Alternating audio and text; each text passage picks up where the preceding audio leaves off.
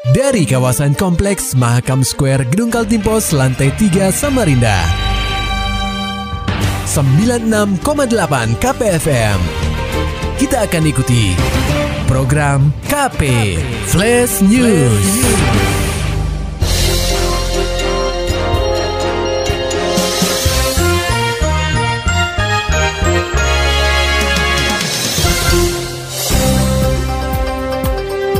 Anda sedang menyimak program KP Flash News bersama saya Agung Pratama. Berita Utama Samarinda telah resmi menerapkan pemberlakuan pembatasan kegiatan masyarakat atau PPKM level 4 sesuai dengan instruksi Mendagri nomor 25 tahun 2021 terhitung pada Senin 26 Juli 2021. Menyikapi hal itu, Pemkot Samarinda segera menerbitkan instruksi Wali Kota nomor 4 tahun 2021 untuk menyesuaikan aktivitas masyarakat selama penerapan PPKM level 4 di kota tepian. Wali Kota Samarinda Andi Harun menuturkan Samarinda menjadi salah satu di antara delapan kabupaten atau kota di Kaltim yang akan statusnya naik menjadi PPKM level 4. Kami juga pemerintah Kota Samarinda sudah memprediksikan sehingga kami kemarin melakukan rapat pada hari Minggu jam 1 membicarakan kemungkinan Samarinda akan masuk ke level 4 dan hari ini saya mengundang teman-teman wartawan untuk memberitahukan pelaksanaan PPKM pasca turunnya dua pasca turunnya instruksi Mendagri.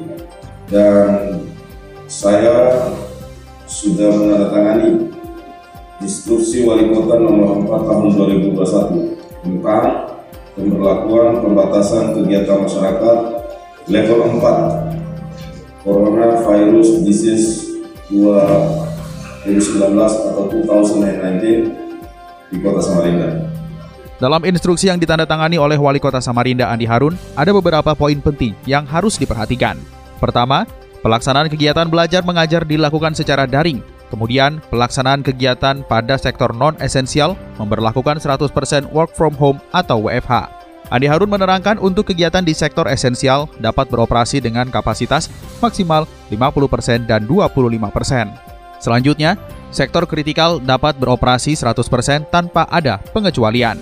Untuk supermarket, pasar tradisional, toko kelontong dan pasar swalayan yang menjual kebutuhan sehari-hari dibatasi jam operasional sampai dengan pukul 20.00 waktu Indonesia Tengah dengan kapasitas pengunjung 50%.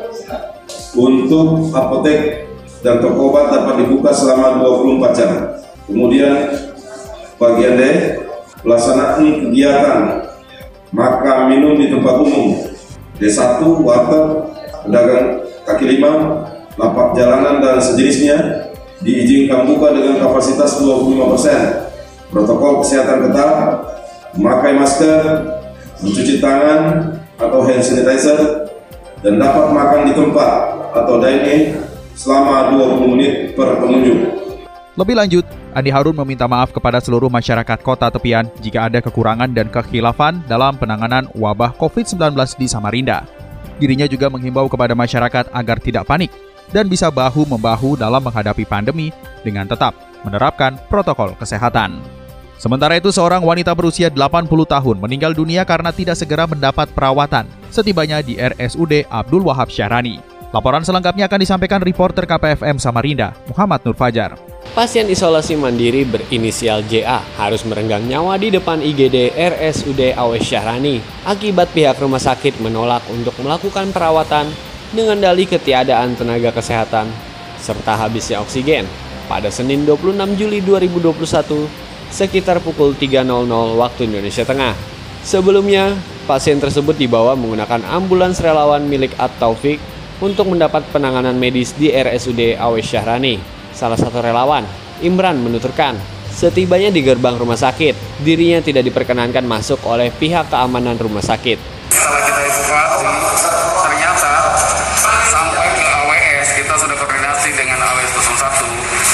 sudah dibolehkan, tapi pihak uh, security di pintu gerbang kita ditahan. Menurut keluarga pasien, Yuda Herlin Pratama, Pihak keamanan beralasan bahwa mereka harus izin ke atasan terlebih dahulu. Jika sudah mendapat izin, barulah mereka bersedia untuk menerima pasien. Setelah 20 menit menunggu, akhirnya pasien diperkenankan masuk ke halaman IGD. Namun, mereka kembali terhalang oleh petugas keamanan di mana pintu ruang IGD tersebut terkunci akibat terlambat menerima perawatan medis. Akhirnya, pasien tersebut menghembuskan nafas terakhirnya. alasannya harus minta eh, ke atasannya dulu izin ke atasan bilang ke atasan kalau misalkan diizinkan baru rumah sakit mau nerima Lebih lanjut, Kepala Instalasi Humas dan Promosi Kesehatan Rumah Sakit atau PKRS RSUD Awes Syahrani, Dr. Arisia Andina, dalam keterangan tertulisnya membenarkan kejadian tersebut. Menurutnya, pihak rumah sakit bukan menolak pasien, tetapi sudah tidak mampu lagi menangani semua pasien yang datang. Terlebih, sampai saat ini sudah 250 lebih nakes RSUD Awes Syahrani sedang menjalani isolasi mandiri. Oleh sebab itu, wanita yang akrab disapa Sisi ini berharap pemerintah daerah bisa melakukan penambahan fasilitas kesehatan untuk mengatasi masalah overload pasien. Selain itu, masyarakat juga tetap harus patuh pada penerapan protokol kesehatan. KPFM Samarinda, Muhammad Nur Fajar melaporkan. Berita selanjutnya program vaksin COVID-19 mulai sasar pelajar umur 12 hingga 17 tahun. Laporannya disampaikan reporter KPFM Samarinda, Maulani Alamin.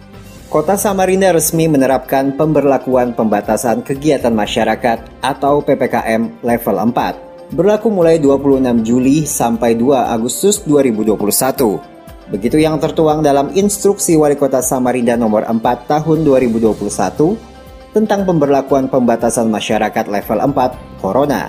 Tentu aturan ini berpengaruh pada dunia pendidikan di Samarinda, seperti pada poin 9 dalam instruksi itu yang berbunyi pelaksanaan kegiatan belajar mengajar mulai dari sekolah, perguruan tinggi, akademi, tempat pendidikan atau pelatihan dilakukan secara daring atau online. Padahal sebanyak 71 sekolah siap melaksanakan pembelajaran tatap muka atau PTM. Kemudian sebanyak 14 sekolah yang lebih dulu menjalankan PTM juga harus ditunda lantaran PPKM level 4. Kendati demikian, vaksinasi terhadap tenaga pendidik di Samarinda terus berjalan. Separuh guru di ibu kota Provinsi Kaltim ini telah disuntik vaksin, yakni sebanyak 10.600 guru. Bahkan pada pekan lalu, vaksinasi terhadap pelajar juga telah digelar. Kebijakan vaksinasi ini menyasar murid yang berusia 12 sampai 17 tahun. SMP Negeri 36 di Lojanan Ilir menjadi yang pertama mendapatkan vaksin. Berikut penjelasan Kepala Dinas Pendidikan Samarinda, Asli Nuryadin. Saya mulai hari Sabtu kemarin udah jalan tuh ke tiga sekolah. Nah, Kabit Sekretaris juga berbagi kita untuk yang 71 sekolah itu. Belum Salah satunya sekolah ini. Yang penting kita persiapkan. Nah, nanti eh, kebijakannya eh, terserah Pak Wali gitu ya. Sebagai Ketua Gugus Covid Kota Samarinda yang penting kita persiapkan. Kepala SMP Negeri 36 Tuti Susandra Dewi menjelaskan, pihaknya menghimpun 338 siswa dari dua sekolah termasuk SMP 18 yang terdekat untuk menerima vaksin. Yang divaksin hari ini? Yang divaksin hari ini sekitar 325. Kenapa itu seluruhnya?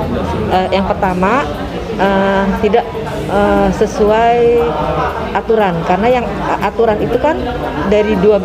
Nah, yang kelas 7 masih ada yang di bawah 12. Oh, nah, itu yang pertama. tahun minimal. Yang kedua, kemungkinan uh, kemarin kita kan ada meet juga ada uh, pertemuan dengan orang tua. Yeah. Ada yang memang uh, lagi sakit, ada yang memang punya sakit bawaan gitu. Hmm. Ada yang seperti itu. Kepala SMP Negeri 36 Tuti Susandra Dewi berharap vaksin kedua nantinya bisa digelar kembali di gedung sekolah sehingga memudahkan pihaknya untuk mengakomodasi berbagai kebutuhan dalam menunjang pelaksanaan serta kemudahan untuk mengumpulkan siswa. KPFM Samarinda, Maulani Alamin melaporkan. Maulani Alamin, Muhammad Nur Fajar, KPFM Samarinda. Serta dapatkan berita-berita selengkapnya di www.968kpfm.co.id. Demikian tadi telah kita simak rangkaian berita-berita yang terangkum dalam program KP Flash News. Persembahan dari 96,8 KPFM. Terima kasih dan sampai jumpa.